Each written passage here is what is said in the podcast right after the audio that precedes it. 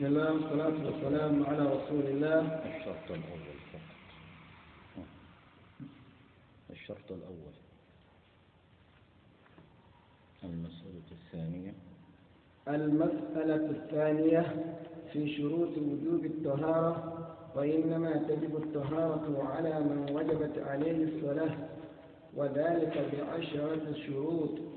الأول الإسلام وقيل بلوغ الدعوة.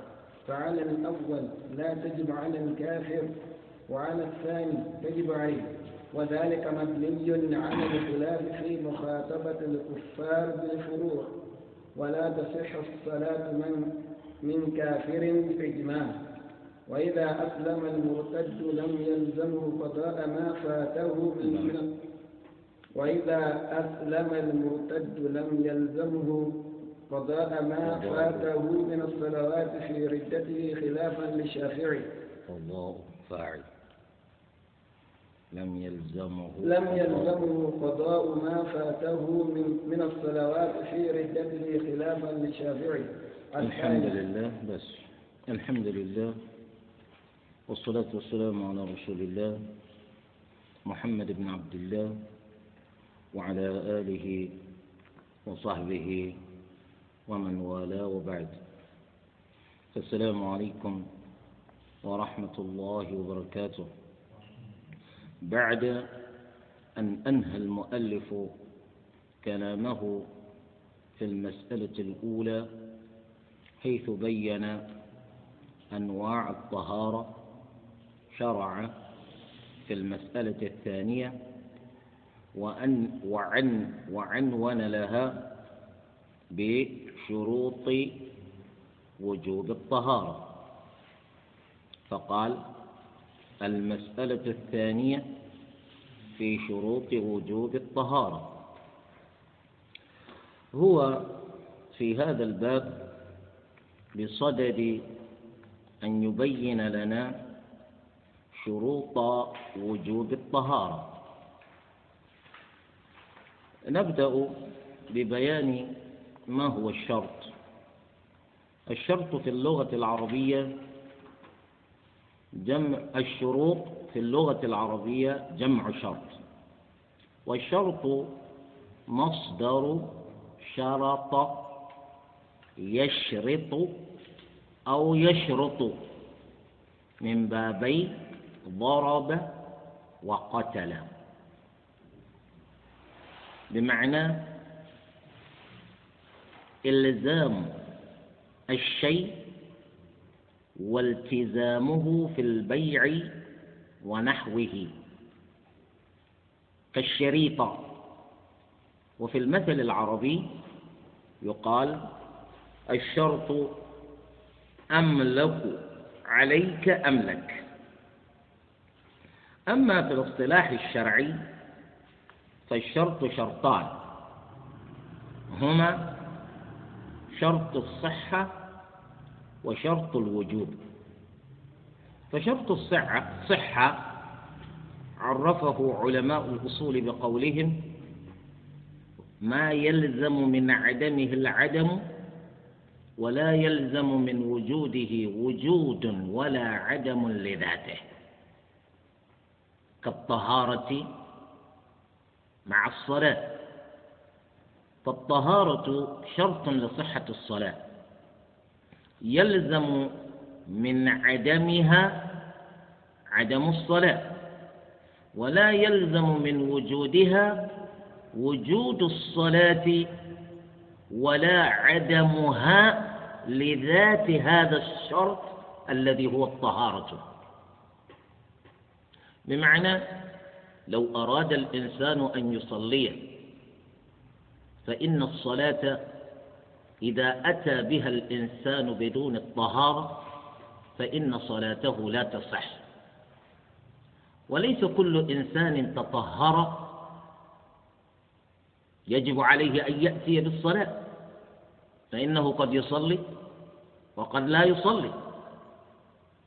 يصلي لأنه أراد أن يتنفل. سنة الوضوء مثلا. لأنه أراد أن يتنفل تحية المسجد مثلا. لأنه دخل وقت الصلاة. فوجبت الصلاة بدخول وقتها مثلا. فوجود الطهارة لا يلزم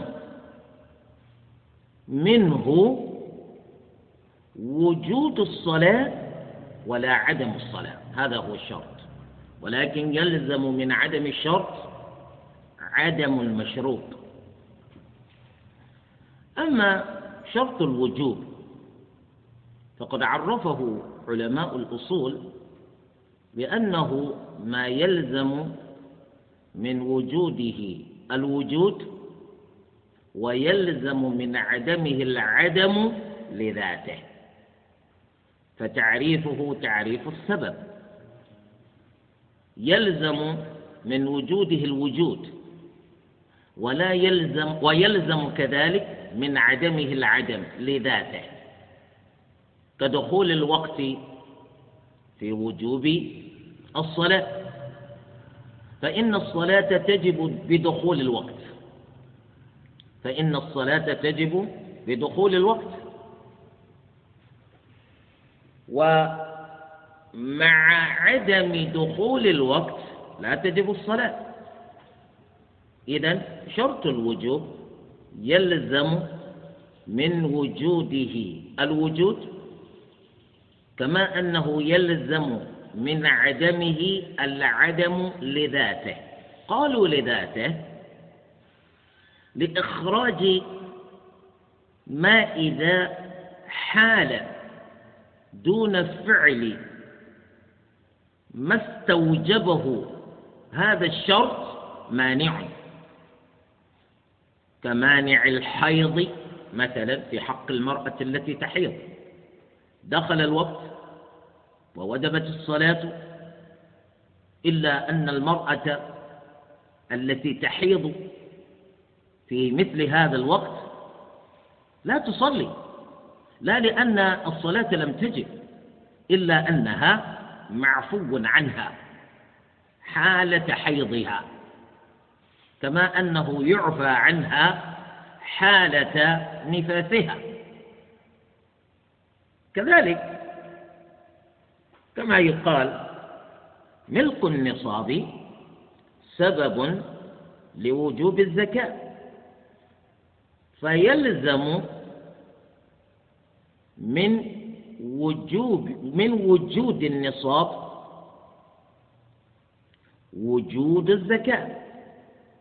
ويلزم من عدم ملك النصاب عدم وجوب الزكاة. قالوا لذاته لأن الإنسان قد يملك النصاب الذي بموجبه تجب الزكاة عليه إلا أنه لا يخرج الزكاة لوجود دين عليه الذي يستغرق نصابه أو يستغرق جله بحيث لا يبقى له نصاب خالص. فهذا هو المانع هو الذي حال دون إخراجه الزكاة وإن كانت الزكاة قد وجبت عليه بملكه النصاب. إذا شرط الوجوب هو الذي يلزم من وجوده الوجود ويلزم من عدمه العدم لذاته. فإذا علمنا الفرق بين شرط الصحة وشرط الوجوب فإن المصنف يقول وإنما تجب الطهارة على من وجبت عليه الصلاة. فربط المؤلف بين الطهارة والصلاة وذلك للارتباط القوي القائم بين الطهارة والصلاة. لقد سبق أن قلنا إن الطهارة طهارة شرط لصحة الصلاة. والشرط الذي هو للصحة عرفناه بأنه الذي يلزم من عدمه العدم ولا يلزم من وجوده الوجود ولا العدم لذاته. والطهارة شرط لصحة الصلاة. فهذا هو الارتباط القائم بينهما. فمن وجبت عليه الصلاة وجبت عليه الطهارة. لأن الطهارة بعبارة أخرى مع الصلاة من باب ما لا يتم الواجب إلا به. والمقرر في علم الأصول أن ما لا يتم الواجب إلا به فهو واجب. فلذلك هو يقول الطهارة تجب على من وجبت عليه الصلاة والشروط التي بموجبها تجب الصلاة على من وجبت عليه الصلاة هي عينها التي بها تجب الطهارة على من تجب عليه. أي شروط وجوب الصلاة هي عينها شروط وجوب الطهارة. وهذه الشروط قال الأول. الشرط الأول هو الإسلام. والإسلام هذا لا شك أن الإسلام شرط أساسي لوجوب العبادات كلها لا الطهارة ولا الصلاة فقط. فكل عبادة أمر الشرع بها فإنها لا تجب إلا بشرط الإسلام. لأن المسلم هو الذي يطالب بالقيام بالأعمال التي هي من موجبات إسلامه. لأن الإسلام لا يمكن لا يمكن للإنسان أن يقول أنا مسلم مع تخلفه عن العمل. والعمل كما نعلم في عقيدة أهل السنة والجماعة داخل في مسمى الإيمان. فلا يمكن للإنسان أن يوجد انفصاما بين العمل والإيمان. فلذلك الله عز وجل في الآيات القرآنية يقول إلا الذين آمنوا وعملوا الصالحات. فربنا يبين لنا في مثل هذه الآيات أن الإيمان وحده بأن تعتقده في قلبك وتنطق به بلسانك لا يكفي حتى ينضم إلى ذلك العمل الإيماني. وإلا إذا كان إيمانك لم ينتج عنه العمل الإيماني أن لك أن تدعي الإيمان. فلذلك نقول إن العمل ركن ركين في مسمى الإيمان. ربنا عز وجل يقول وما كان الله ليضيع إيمانكم. يقول المفسرون إيمانكم هنا أي صلاتكم.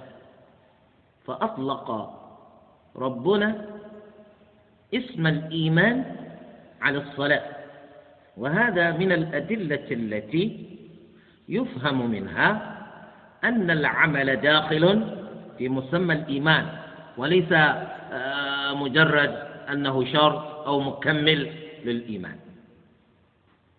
فلذلك الإسلام شرط أساسي لوجوب كل عبادة من العبادات التي أمر الله عز وجل بها.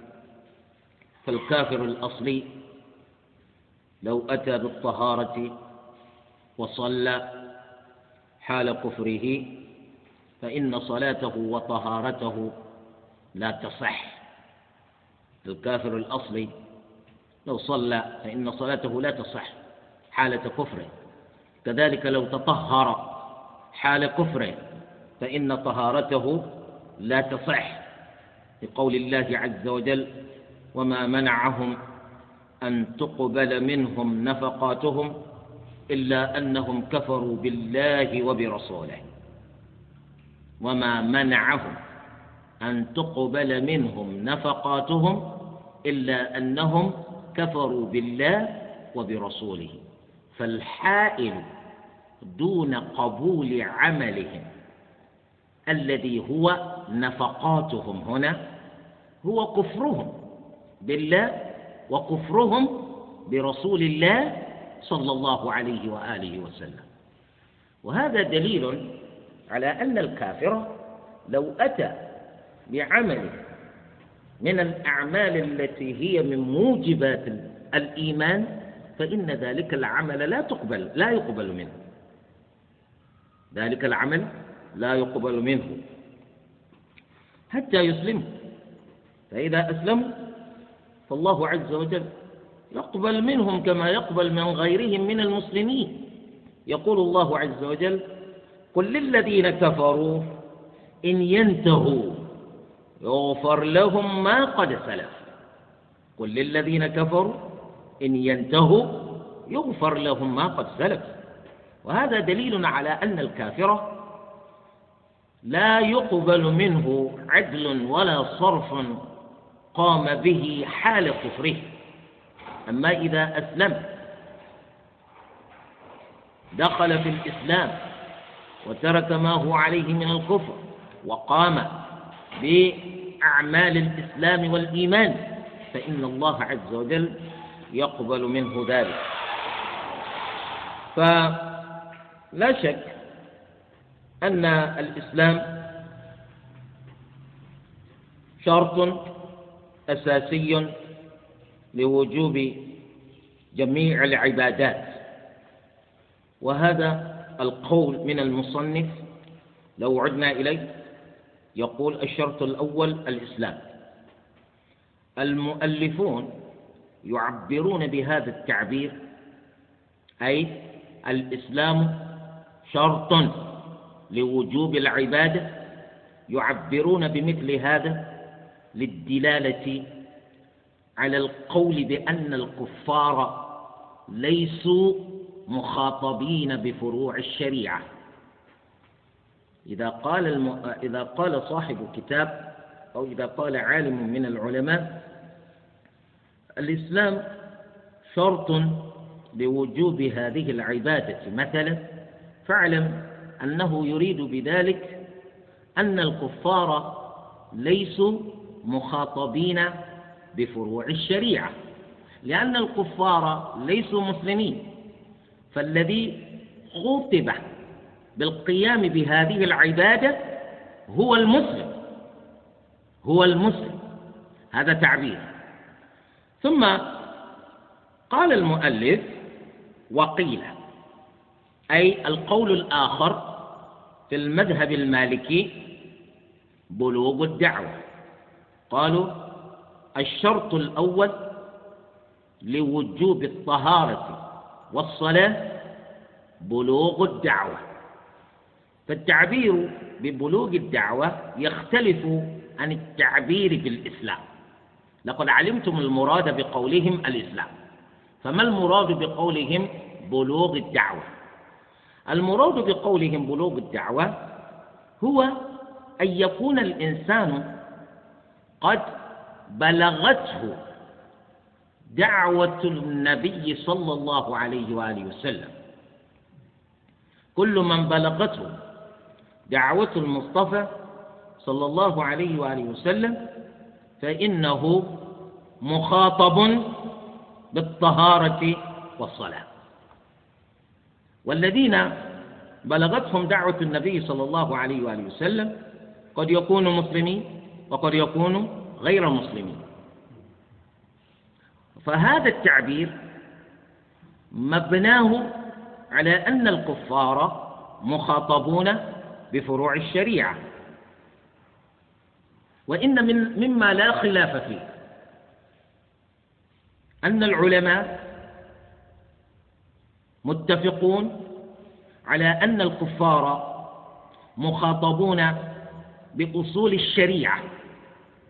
لا خلاف بين العلماء أن الكفار مخاطبون بأصول الشريعة.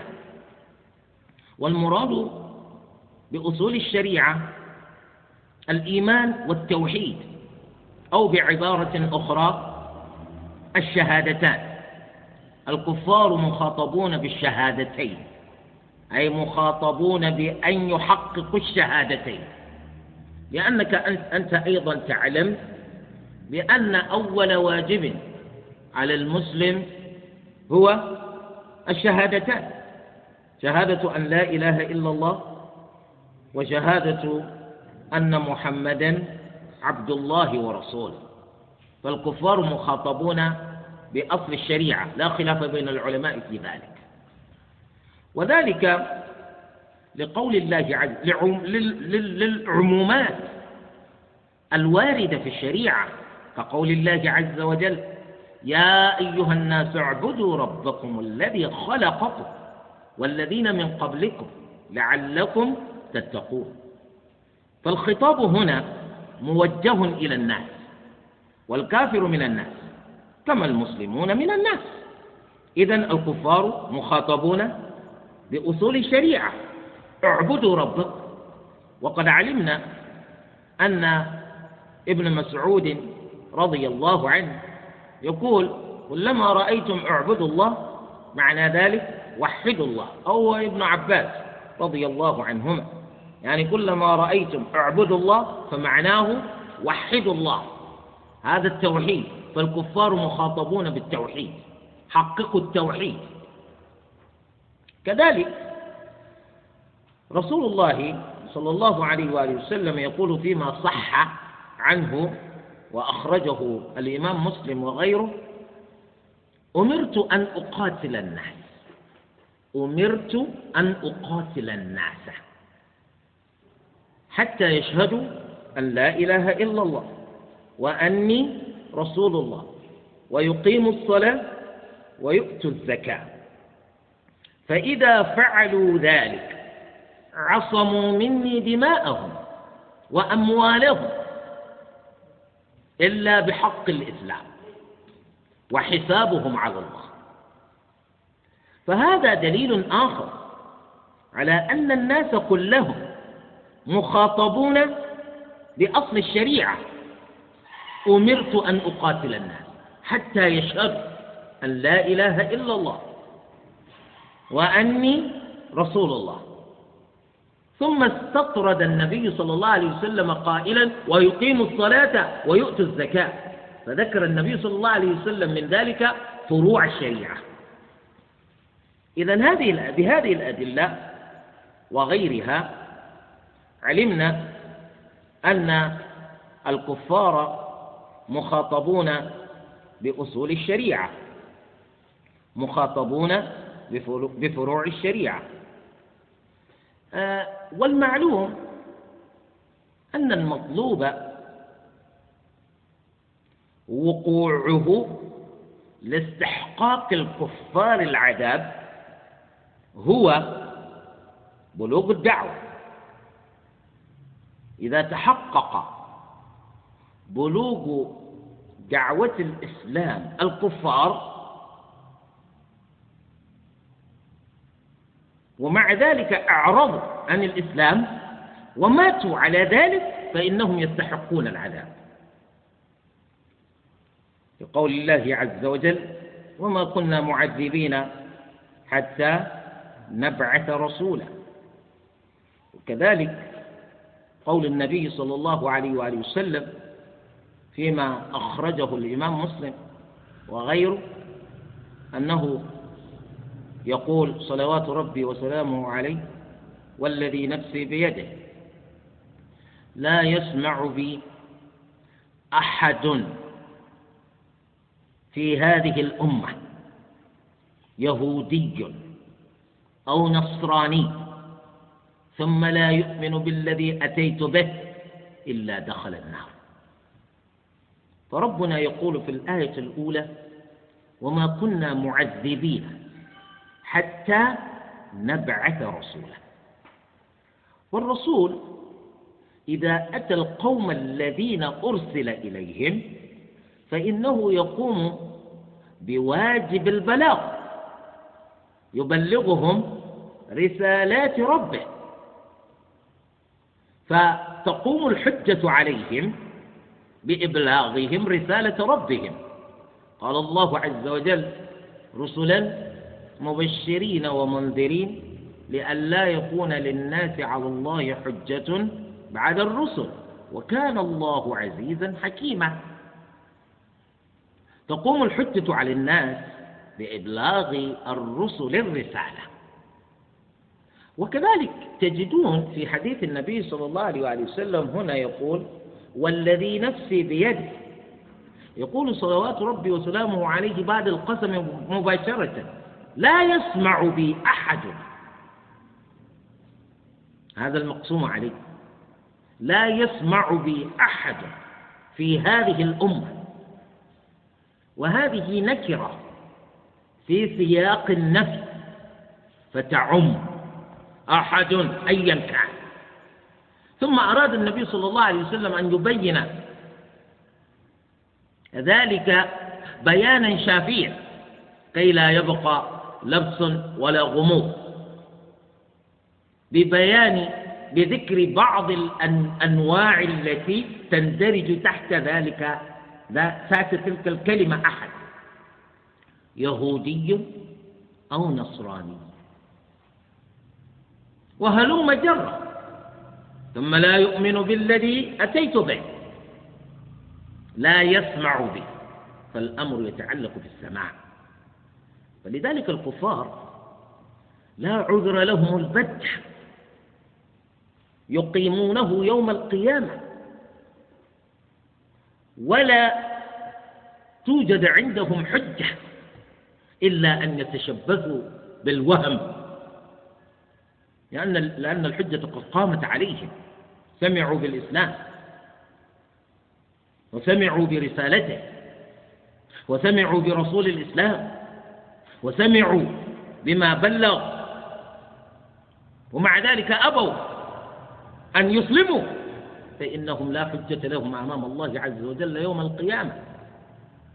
ولذلك العلماء بالنظر إلى مثل هذه الأدلة يعبرون بقولهم بلوغ الدعوة ليشمل الأمر الواجب المسلمة وغير المسلم. لأن المسلم بلغته الدعوة والكافر أيضا بلغته الدعوة. إلا أن المسلم أسلم بفضل الله ورحمته ومنته.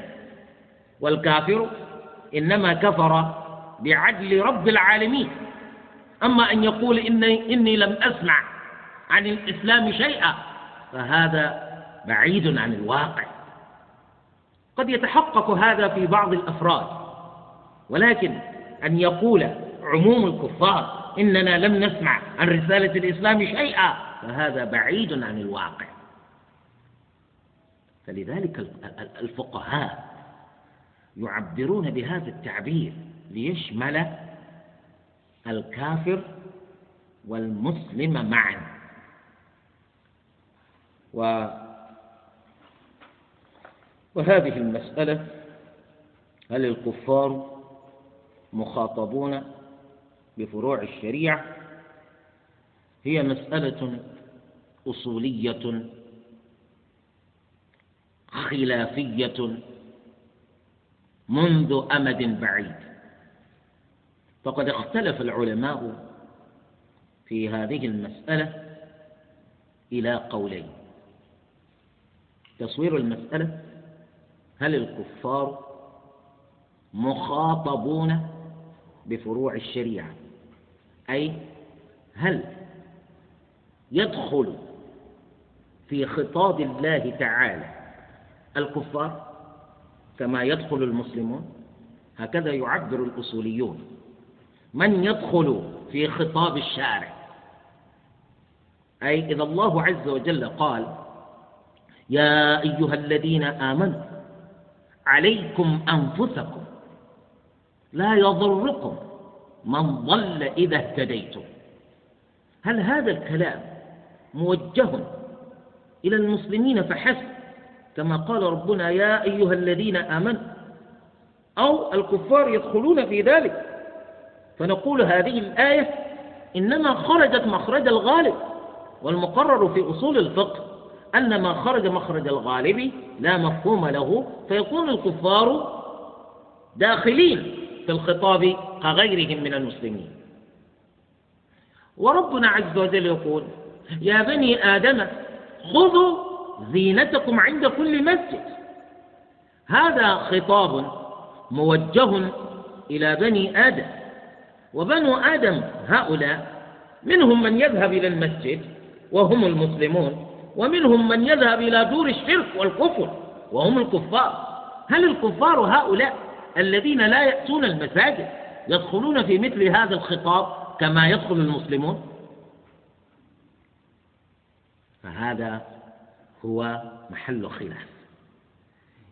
ثم الكلام هنا هل هم مخاطبون؟ هل الكلام موجه إليهم؟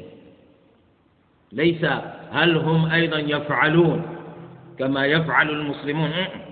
هل الكلام موجه إليهم كما وجه إلى المسلمين؟ فاختلف العلماء في هذا. ثانيا ما المقصود بفروع الشريعة؟ لقد علمنا وصول الشريعة. فما المقصود بفروع الشريعة؟ المقصود بفروع الشريعة هنا هو كل ما أتت به الشريعة عدا الشهادتين. كل ما أتت به الشريعة عدا الشهادتين. بمعنى كل ما جاءت به الشريعة غير الشهادتين. لقد اتفقوا على أنهم مخاطبون بأصول الشريعة. إذا ما ليس بأصول الشريعة هل الكفار مخاطبون به؟ هذا هو محل خلاف. إذا يدخل في فروع الشريعة بهذا التعبير الصلاة الزكاة الصيام الحج الجهاد الأمر بالمعروف والنهي عن المنكر كذلك قول الحق وكذلك الأمانة الصدق كذلك آه يعني كل ما أتت به الشريعة يدخل في ذلك. هل الكفار مخاطبون بهذا أو ليسوا مخاطبين به؟ مع أنهم اتفقوا على أن الكافر لو أتى بشيء من فروع الشريعة حال كفره فإنه لا يصح لا يصح منه. واتفقوا كذلك أن الكافر هذا لماذا لا يصح منه؟ لأنه فاقد الشرط. لأن الشرط الأساسي الذي به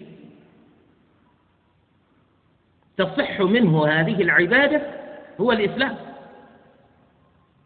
فهو شرط لوجوب تلك العبادة عليه وشرط لصحة تلك العبادة. فلذلك الكافر لو صلى وزكى وصام وحج لا تصح منه. اتفقوا على هذا. واتفقوا كذلك أن الكافر لو أسلم فإنه لا يطالب بقضاء ما فاته حال كفره. لا يطالب بقضاء ما فاته حال كفره. لماذا لا يطالب بذلك؟ قالوا ترغيبا في الإسلام. لأنه لو طولب بقضاء ما فاته حال كفره لكان في هذا تنفير للكافر عن أن يسلم. لأنه يقول إذا أسلمت الآن أنا سأكون مطالبا بقضاء صلوات خمس سنين. أو بقضاء صلوات عشر سنين وبقضاء صيام هذه السنوات ولا يكون ذلك سهلا. فلذلك يقولون الكافر ليس تصح منه تلك العبادات لو قام بها حال كفره ولا يطالب بقضاء ما فاته حال كفره لو أسلم. هذا كله متفق عليه. ولماذا إذا هل هو مخاطب أو ليس مخاطبا؟ الجمهور أكثر الفقهاء من المالكية والشافعية والحنابلة أحمد بن حنبل بالأحرى في رواية التي عليها مذهبه. يقولون إن الكفار مخاطبون بفروع الشريعة كالمسلمين. هذا كلام الجمهور.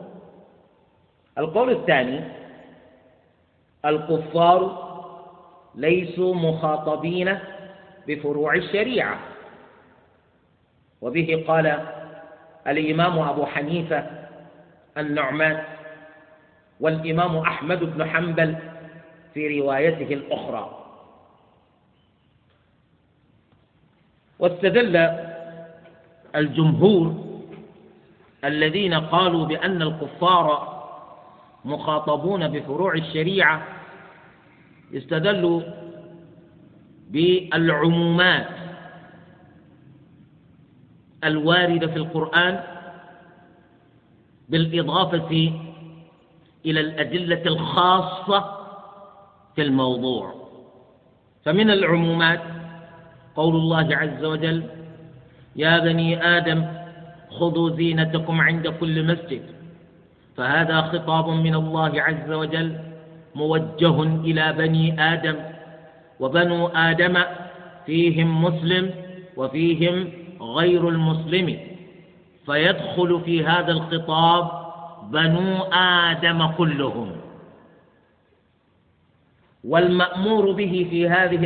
في هذه الآية فرع من فروع الشريعة. أخذ الزينة عند كل مسجد. أخذ الزينة عند كل صلاة. إذا الكفار بهذه الآية مخاطبون بفروع الشريعة. كذلك يقول الله عز وجل من العمومات يا ولله على الناس حج البيت.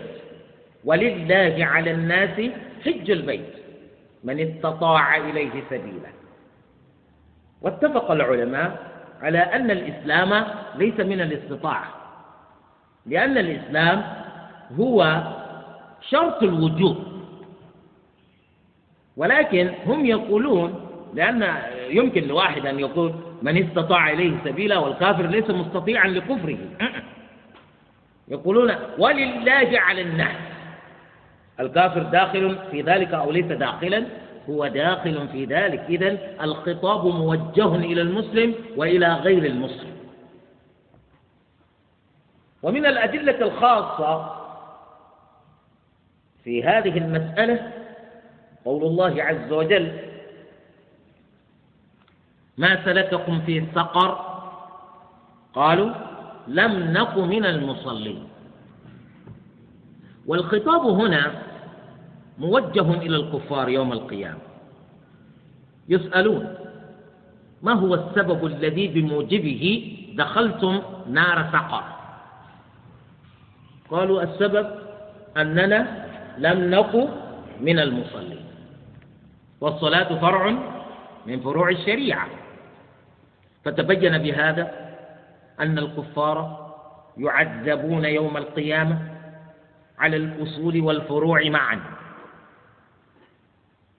أي الله عز وجل يعذبهم على كفرهم وعلى شركهم ويعذبهم على تركهم الفروع يعذبهم على ترك الطهارة يعذبهم على ترك الصلاة يعذبهم على ترك الزكاة يعذبهم على ترك الصيام يعذبهم على ترك الحج يعذبهم على ترك الأمر بالمعروف والنهي عن المنكر يعذبهم على ترك الصدق يعذبهم على يعذبهم سبحانه وتعالى على ترك الأمانة. وهكذا كل هذه الأشياء يعذبون عليها كما يعذبون على ترك الإيمان.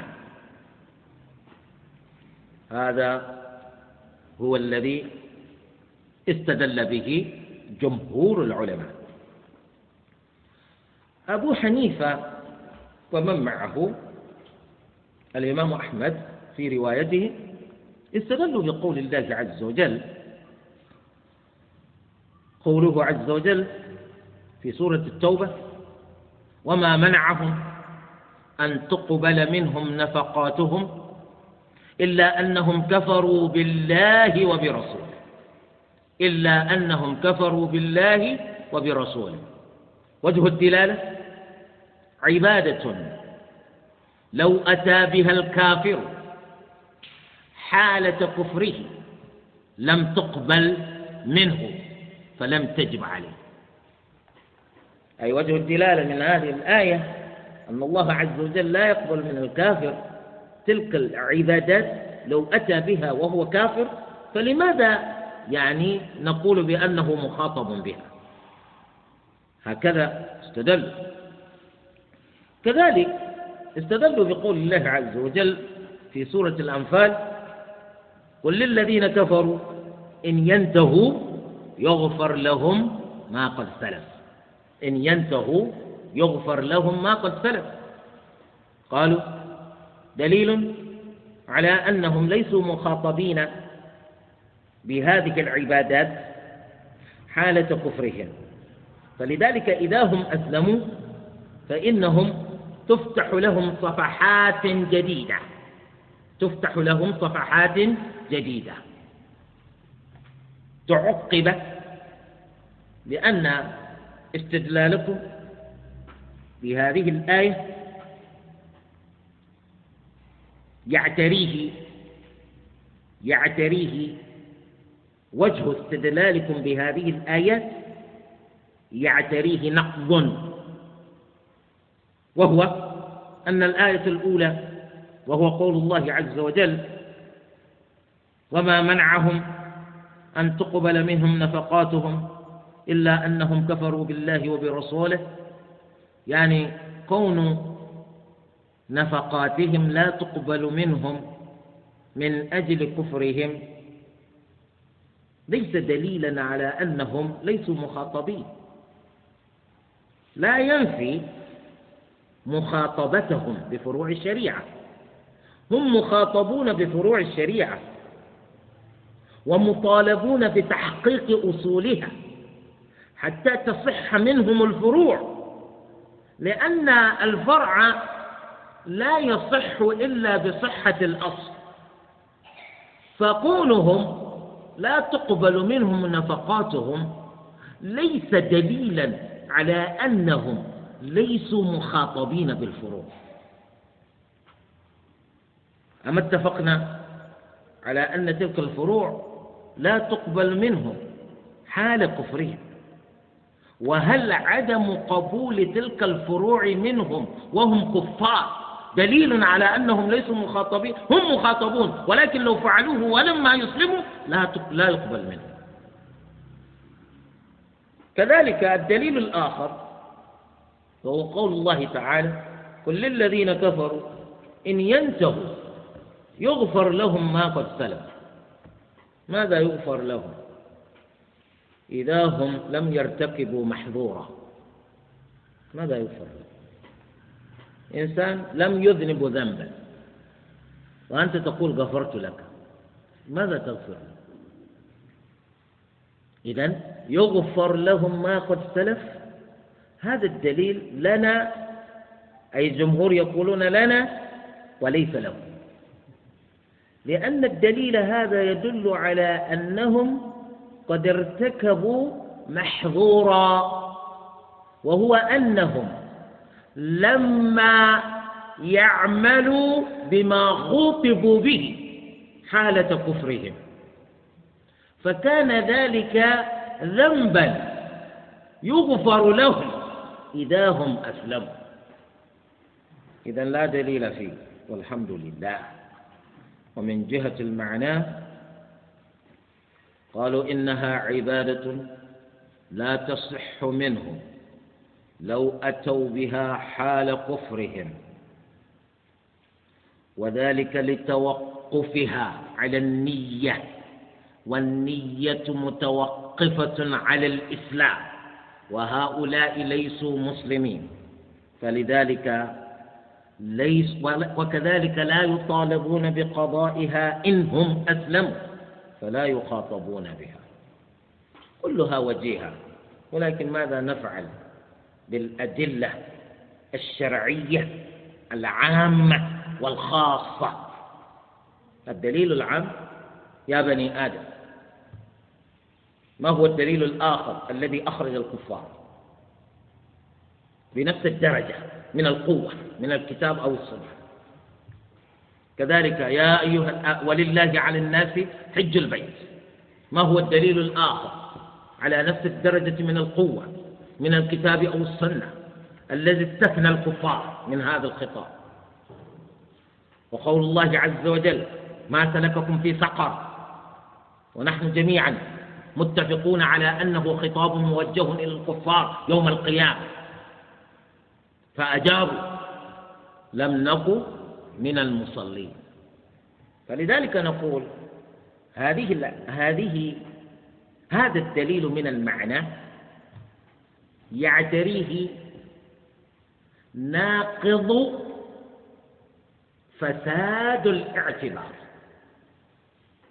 ناقض قادح هناك قوادح قوادح قوادح العلل قوادح الأقيسة. هذا الدليل يعتريه قادح فساد الاعتبار. لماذا؟ لأنه معقول يعارض المنقول. فلا حظ له من النظر. بهذا يترجح عندنا في مسألة هل الكفار مخاطبون بفروع الشريعة. القول الأول القاضي بأن الكفار مخاطبون بفروع الشريعة. وذلك لما يأتي. أولا صحة دلالة عموم الكتاب على ذلك. ثانيا صحة دلالة الكتاب على ذلك من وجه خاص. ثالثا أن ما استدل أن ما استدل به للقول الآخر أن ما استدل به للقول الآخر لا ينهض لا ينهض دليلا للمدعى. لا ينهض دليلا للمدعى.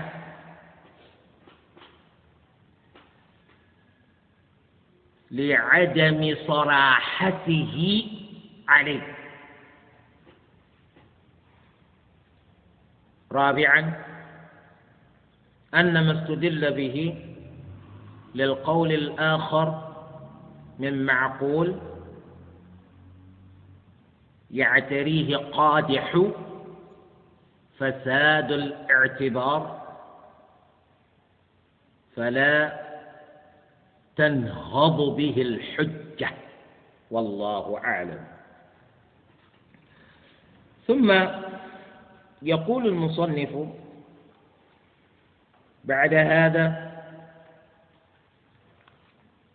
موضحا قوله كذلك يقول فعلى الأول أي على القول الأول بأن الشرط الأول لوجوب الطهارة والصلاة الإسلام لا تجب على الكافر. ولذلك قلت لكم يعبرون بالإسلام لإخراج الكافر. وعلى الآخر أي وعلى الثاني أي تعبيره بقوله بلوغ الدعوة تجب عليه أي تجب على الكفار تجب على الكفار. وهذا مبني على الخلاف في مخاطبة مخاطبة الكفار بالفروع وقد رجحنا أن الكفار مخاطبون بفروع الشريعة كما أنهم مخاطبون بأصولها. وما هي الفائدة من هذا الخلاف؟ الفائدة من هذا الخلاف فائدة أخروية. أن أي في الآخرة أي أن الكفار هؤلاء يعذبون على الفروع كما يعذبون على الأصول هذه فائدة. يعني حتى لا يرى الكافر أنه إنما يعذب على تركه الإيمان وعلى تركه التوحيد. لا إنه يعذب على ترك الإيمان والتوحيد ويعذب على ترك كل ما في الإسلام. وهذا أيضا قد تنتج عنه فائدة دنيوية وهي أن الكافر إذا علم بمثل هذا الخطاب وبين له ذلك بيانا شافيا ربما أسلم. فيقول لا أنا لا أطيق ذلك. أعذب على الأصول وأعذب على الفروع لا أنا أسلم. إذا هذه هي الفائدة. المرجوة من ذلك. ثم قال المصنف ولا تصح الصلاة من كافر بإجماع. ولا تصح الصلاة من كافر بإجماع. من الذي يعرف دليل ذلك؟ من الذي يعرف دليل ذلك؟ لا تصح الصلاة من كافر بإجماع.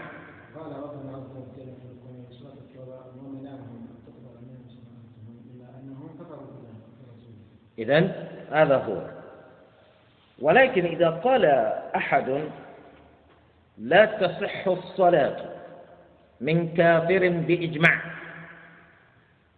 هل هذا يحتاج إلى دليل آخر؟ لا يحتاج إلى دليل آخر ولذلك هذا اختبار إذا قيل لك ما دليل ذلك تقول دليله فيه وأين دليله؟ إجماع لأن الإجماع لا ينعقد إجماعا إلا وله مستند. ومستنده إما من الكتاب وإما من السنة سواء علمت بذلك المستند أو جهلت ذلك المستند إلا أن الإجماع لا يقال له إجماع إلا وله مستند. إذا مثل هذا لا نحتاج إلى أن نستدل له. لا نحتاج إلى أن نستدل له. اللهم إلا إذا كان الإجماع المحكي مشكوكا فيه. إذا كنا نشك في ذلك الإجماع نقول من الذي حكى ذلك الإجماع؟ كيف تحقق ذلك الإجماع؟ وكيف تقول إن في المسألة إجماعا وقد خالف فيه فلان وفلان؟ هذا لا يوجد. فنقول إذا في إجماع. ولذلك بعض العلماء يعبر فيقول لا نعلم فيه خلافا. وهذا يكون أدق. أنا لا أعلم فيه خلافا. فأنت إذا جئت غدا فحكيت فيه خلافا ما في إشكال. أنت لا أنت لم تعارض قولي بذلك. لأني إنما أنفي العلم عن نفسي. وعدم العلم ليس علما بالعدم. أنا لا أعلم. ليس معناه لا يوجد. فهمتم؟ إذا وهذا درج عليه الإمام ابن قدامة كثيرا في كتابه المغني يقول لا نح... لا نعلم فيه خلافا. ولا نعلم فيه خلافا ليس معناه إجماعا. إنما ينفي علمه للخلاف وليس يثبت بذلك عدم وجود الخلاف. إذا ثم المصنف يقول وإذا أسلم المرتد. إذا أسلم المرتد. لم يلزمه قضاء ما فاته من الصلوات في ردته خلافا للشافعي. وهذه مسألة أخرى. مسألة المرتد. وقضاء ما فاته من الصلوات حال ردته. الردة أعاذنا الله وإياكم منها. إنها مصيبة كبيرة وفتنة عظيمة. أن يترك الإنسان الإسلام ويعرض عنه بعد أن أكرمه الله عز وجل به. ويقول إنه كافر ويوثر الكفر على الإسلام. فالمرتد الذي ارتد عن الإسلام إذا عاد إلى الإسلام قبل أن يقضى عليه لأن الذي يرتد عن الإسلام فإن حكمه القتل. لقد أتى في حديث عبد الله بن عباس رضي الله عنهما الصحيح عند الإمام البخاري وغيره أن النبي صلى الله عليه وآله وسلم يقول من بدل دينه فاقتلوه. ومعنى هذا أي من ارتد عن الإسلام إلى الكفر فاقتلوه. ليس معناه أنه ترك النصرانية إلى اليهودية أو اليهودية إلى المجوسية وهلم جرا. لا. معناه من ارتد عن الإسلام فاقتلوه. تحقيقا لمقصد من المقاصد الشرعية. فالمقاصد الشرعية الخمسة أو الستة على القول الآخر الذي الأول منه أو منها حفظ الدين. الإسلام جاء ليحفظ دين الناس حتى تبقوا مسلمين. لا تعبدون إلا الله ليكون الدين كله لله. فالإسلام لا يرضى لأحد أن يرتد عنه إلى غيره. فلذلك القول بأنه لا إكراه في الدين تقيم بهذه الآية دليلا. على أن المسلم الذي ارتد عن الإسلام ينبغي أن يعطى حريته يتصرف كما يريد. هذا ليس كلاما سليما. لأنه معارض للشريعة. لأن الشريعة لا يرضى لأحد أن يترك الإسلام إلى غيره. أما قبل أن تسلم لا إكراه في الدين. قبل أن تسلم لا إكراه في الدين. فمن شاء فليؤمن ومن شاء فليكفر. إنا هديناه السبيل إما شاكرا وإما كفورا. وهديناه النجدين. الأمر متروك لك إما أن تسلم وإما أن تكفر. أما بعد إسلامك فالكلام عن الحرية الموهومة التي تجر بك إلى أن ترتد عن الإسلام لا مجال له. ولذلك الشريعة قررت بأن كل من بدل الإسلام بغيره أعرض عن الإسلام وأحجم عنه وتركه ورفضه دينا فإنه مرتد. والمرتد هذا حكمه أن يقتل يستتاب. إما تاب وإما يقتل. هذا هو وهذه هي الشريعة هي الشريعة الإسلامية. هذا الإنسان ارتد عن الإسلام إلا أنه عاد إلى الإسلام. إذا عاد إلى الإسلام هل يقضي ما فاتته من الصلوات؟ أو لا يقضي وتصوير ما يمكن أن يفوت المرتد من الصلوات كالتالي. إما أن يكون هذا الإنسان قد ترك بعض الصلوات قبل ردته حالة كونه مسلما إما لغفوة لغفلة أو سهو أو نحو ذلك. أي بأن يكون معذورا بتركها أو لا يكون معذورا. ثانيا ما تركه من الصلوات بعد ردته. وفي هذا لا يمكن أن يكون معذورا. ثالثا ما تركه بعد عودته إلى الإسلام. عاد إلى الإسلام وترك بعض الصلوات. لا خلاف بين العلماء الذين يرون وجوب قضاء ما فات الإنسان من الصلوات بعذر أو بغير عذر أنه يجب عليه أن يقضي ما فاتته قبل ردته من الصلوات. والعلماء الذين يرون أن من ترك الصلاة بغير عذر لا يقضيها يقولون لا يقضيها. إنما يتوب إلى الله ويكثر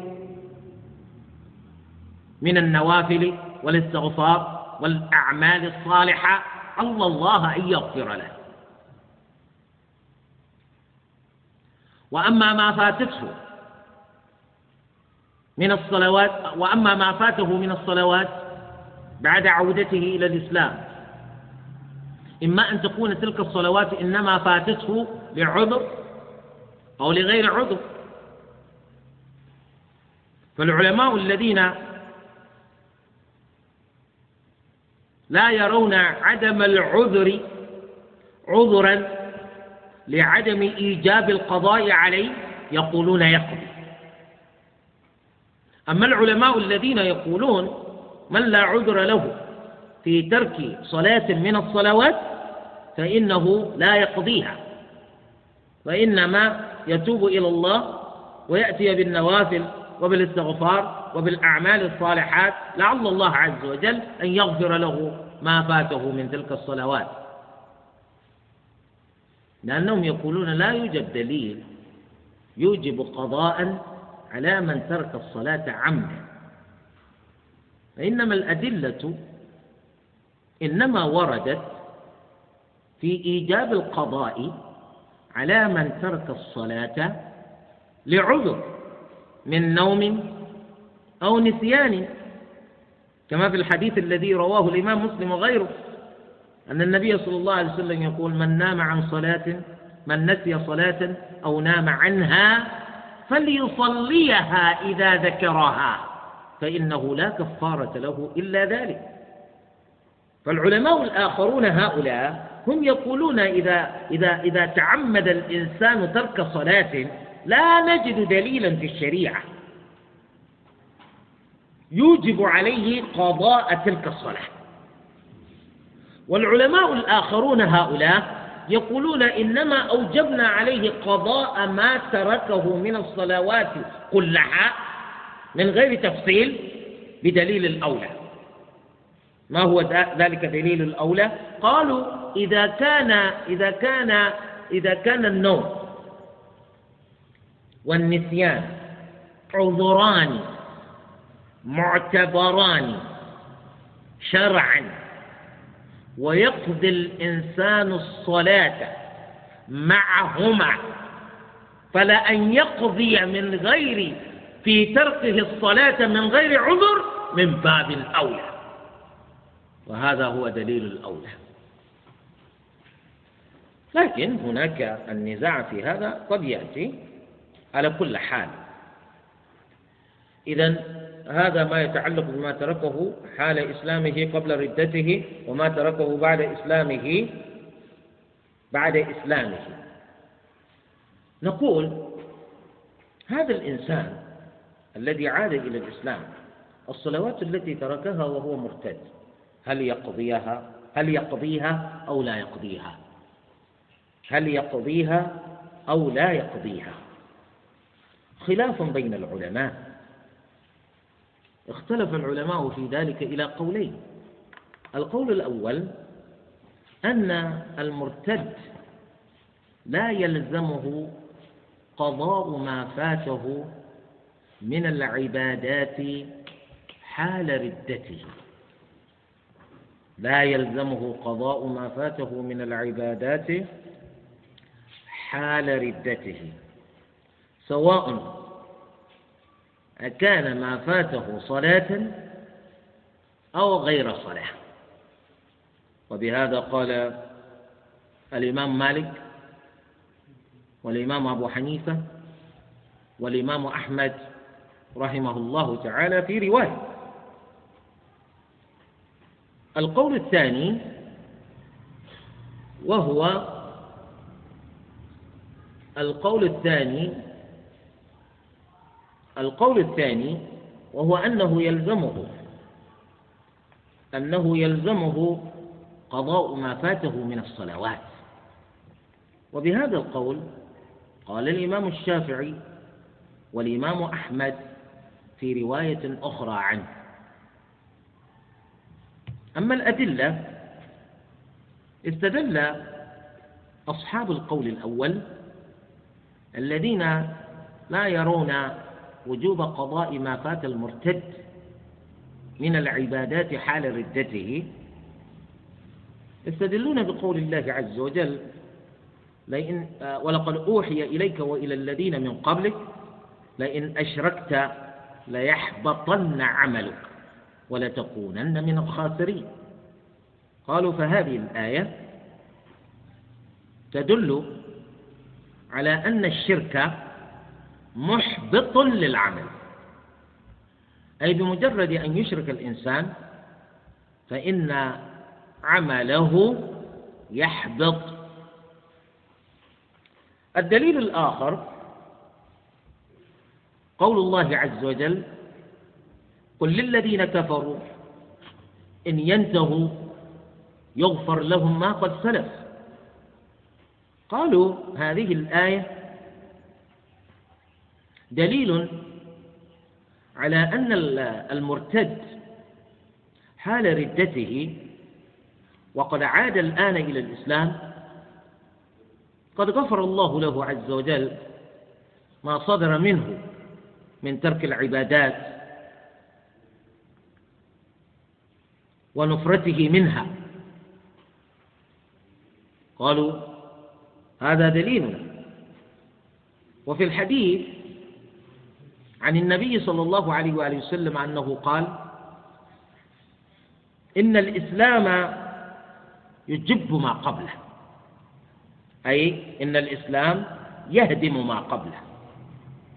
بمعنى أن العمل الذي قام به هذا الإنسان وهو كافر قد غفره الله له بعودته إلى الإسلام.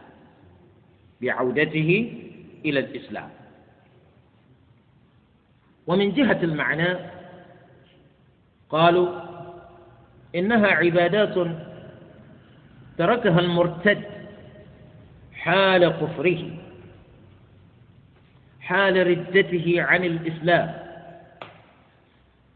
فلم يجب عليه قضاؤها أصله الكفر الأصلي. أصله الكفر الأصلي. لأن الكافر الأصلي لو أسلم فإنه لا يطالب بقضاء ما فاته من من العبادات حال كفره بالإجماع. كذلك قالوا إن الكفر معنى يؤثر في سقوط الفوائد. الكفر معنى يؤثر في سقوط الفوائد. فالكافر ما فاته من العبادات حال كفره. لو أسلم فإننا نقول تلك العبادات لا تجب لا يجب عليه قضاؤها لأنه كافر حال فوات تلك العبادات. فلا يفرق بين حكم الطارئ والأصلي من الكفر. أي لا نفرق بين الكافر الأصلي والكافر الذي كفره طارئ وهو المرتد في هذه الحالة. دليله الجنون. لا فرق بين المجنون الذي جنونه دائم والمجنون الذي جنونه طارئ. فالمجنون ليس مكلفا. حالة جنونه سواء أكان جنونه دائما أو كان جنونه طارئا. القول الثاني استدلوا بقول الله عز وجل ومن يرتد منكم ومن يرتد منكم عن دينه فيمت وهو كافر. فأولئك حبطت أعمالهم في الدنيا والآخرة. قالوا هذه الآية دليل على أن حبوط العمل على أن حبوط العمل إنما يكون بشرطين. الشرط الأول هو الشرك. الشرط الثاني الموت على ذلك الشرك. لأن الله عز وجل يقول ومن يرتدد منكم عن دينه فيمت وهو كافر. بمعنى لو ارتد الإنسان عن الإسلام ولما يمت على الكفر إلا أنه أسلم بعد ومات مسلما فإن أعماله لا تحبط. هذا دليل القول الثاني. وأصحاب القول الأول يقولون لا ليس من شرط ذلك الموت. إذا ارتد الإنسان عن الإسلام بمجرد أن يرتد عن الإسلام فإن عمله يحبط. قالوا أيضا من جهة المعنى قالوا إن الموت على الكفر أحد شرطي حبوط العمل. فلا يتحقق ذلك بتخلف أحدهما. فلا يتحقق ذلك بتخلف أحدهما. دليله ما يشترط له أكثر من شرط من العبادات.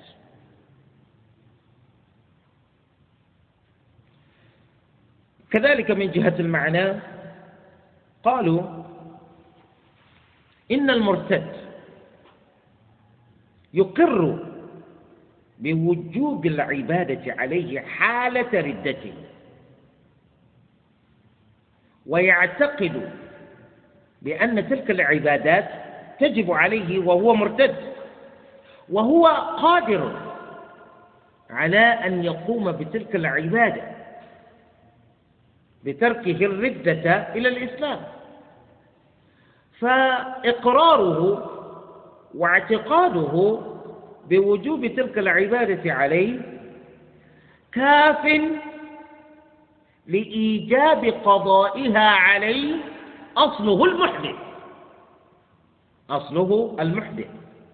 يعني الإنسان إذا كان الإنسان محدثا ولم يأتي بالصلاة من أجل ما يقوم به من حدث فإنه إذا تطهر ماذا يفعل؟ فإنه يصلي. قالوا وكونه محدثا. حال وجوب تلك الصلاة.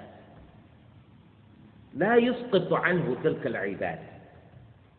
كذلك المرتد. كونه مرتدا. حال وجوب تلك العبادات. لا يسقط أي الردة لا تسقط عنه تلك العبادة. هذا دليل. نقول الراجح في هذه المسألة والعلم عند الله تعالى مسألة هل المرتد يلزمه قضاء ما فاته من العبادات حال ردته؟ الراجع في هذه المسألة القول الأول أي أنه لا يلزم المرتد لا يلزم المرتد لا يلزم المرتد قضاء ما فاته من العبادات. لا يلزم المرتد قضاء ما فاته من العبادات. وذلك للأسباب الآتية. أولا صحة دلالة القرآن الكريم على حبوط العمل على حبوط عمل المرتد حال ردته بمجرد أن ارتد.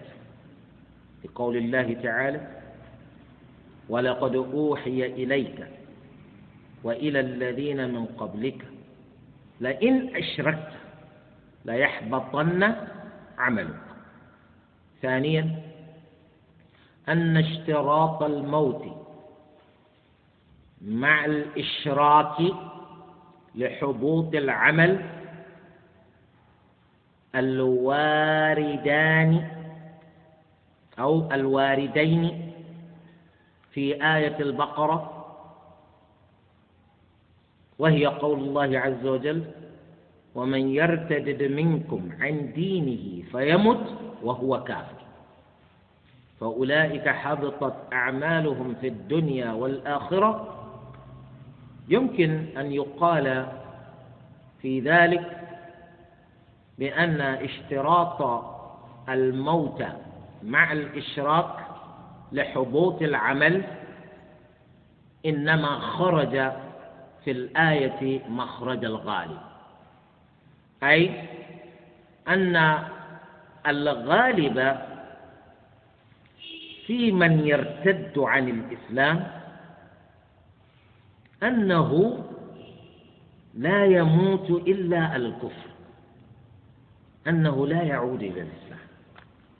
الغالب في من يرتد عن الإسلام أنه لا يعود إلى الإسلام ثانيا.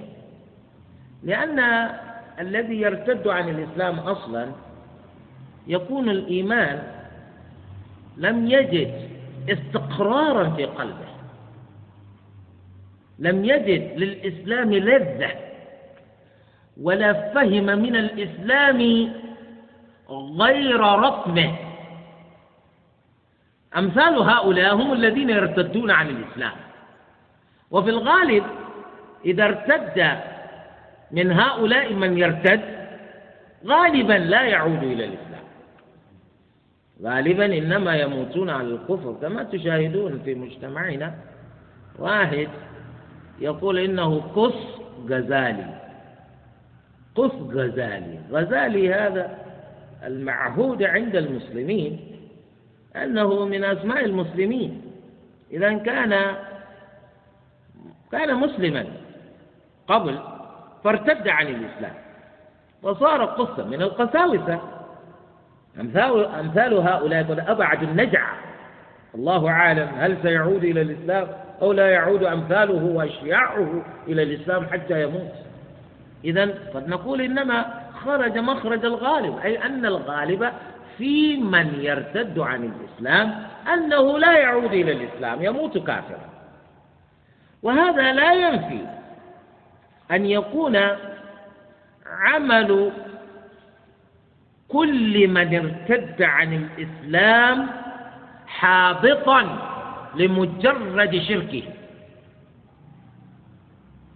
لقول الله عز وجل ومن ولقد أوحي إليك وإلى الذين من قبلك لئن أشركت ليحبطن عملك ولتكونن من الخاسرين. والمقرر في علم الأصول أن ما خرج مخرج الغالب لا مفهوم له. ما خرج مخرج الغالب لا مفهوم له. ثم القول الثالث القول باشتراط الموت مع الشرك لحبوط العمل ينتقض ببطلان ولاية المرتد لوليته حال ردته. فإن المرتد إذا ارتد عن الإسلام. الشافعية يقولون إن عمله لا يحبط. بردته حتى يموت مرتدا كافرا نقول هذا الكلام لا يستقيم بدليل أن المرتد هذا إذا ارتد عن الإسلام هل أنتم تجيزون له أن يزوج بنته المسلمة؟ أنتم أيضا لا تجيزون له أن يزوج بنته المسلمة إذا إذا كان عمله قائما وإسلامه دائما لماذا لا يجوز له أن يزوج بنته؟ لماذا تنتقل الولاية منه إلى غيره؟ فهذا دليل على أن ما ذكروه من أن الموت مشروط مع الشرك لحبوط عمل المرتد ليس سليما. إنما الآية خرجت مخرج الغالب والله أعلم. لماذا؟ لأن المرتد إذا ارتد عن الإسلام فإنه ولا فإن ولايته لوليته في إنكاحها. هذه الولاية تسقط وتبطل لأنه مرتد. فإذا كان عمله لا يحبط بسبب ردته لماذا بطلت ولايته؟ رابعا أن ما استدل به للقول الآخر من قياس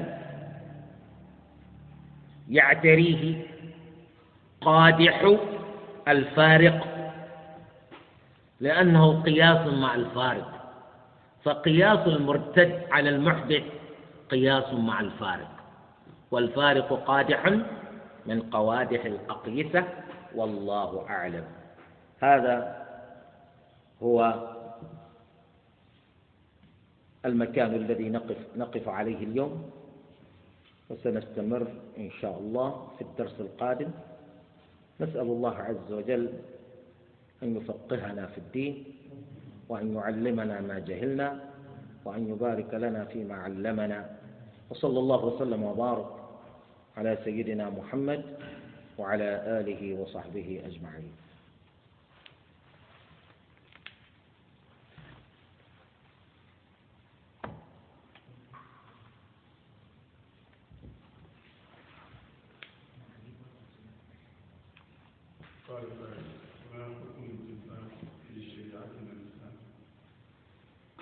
الشريعة الجلباب من الدين. والمرأة المسلمة لا يجوز لها أن تخرج من بيتها إلى حيث الأجانب عنها إلا وهي ترتدي جلبابها. لقول الله عز وجل يا أيها النبي قل لأزواجك وبناتك ونساء المؤمنين يدنين عليهن من جلابيبهن. ذلك أدنى أن يعرفن فلا يؤذين وكان الله غفورا رحيما. نعم. سبحانك اللهم وبحمدك أشهد أن لا إله إلا أنت أستغفرك وأتوب إليك.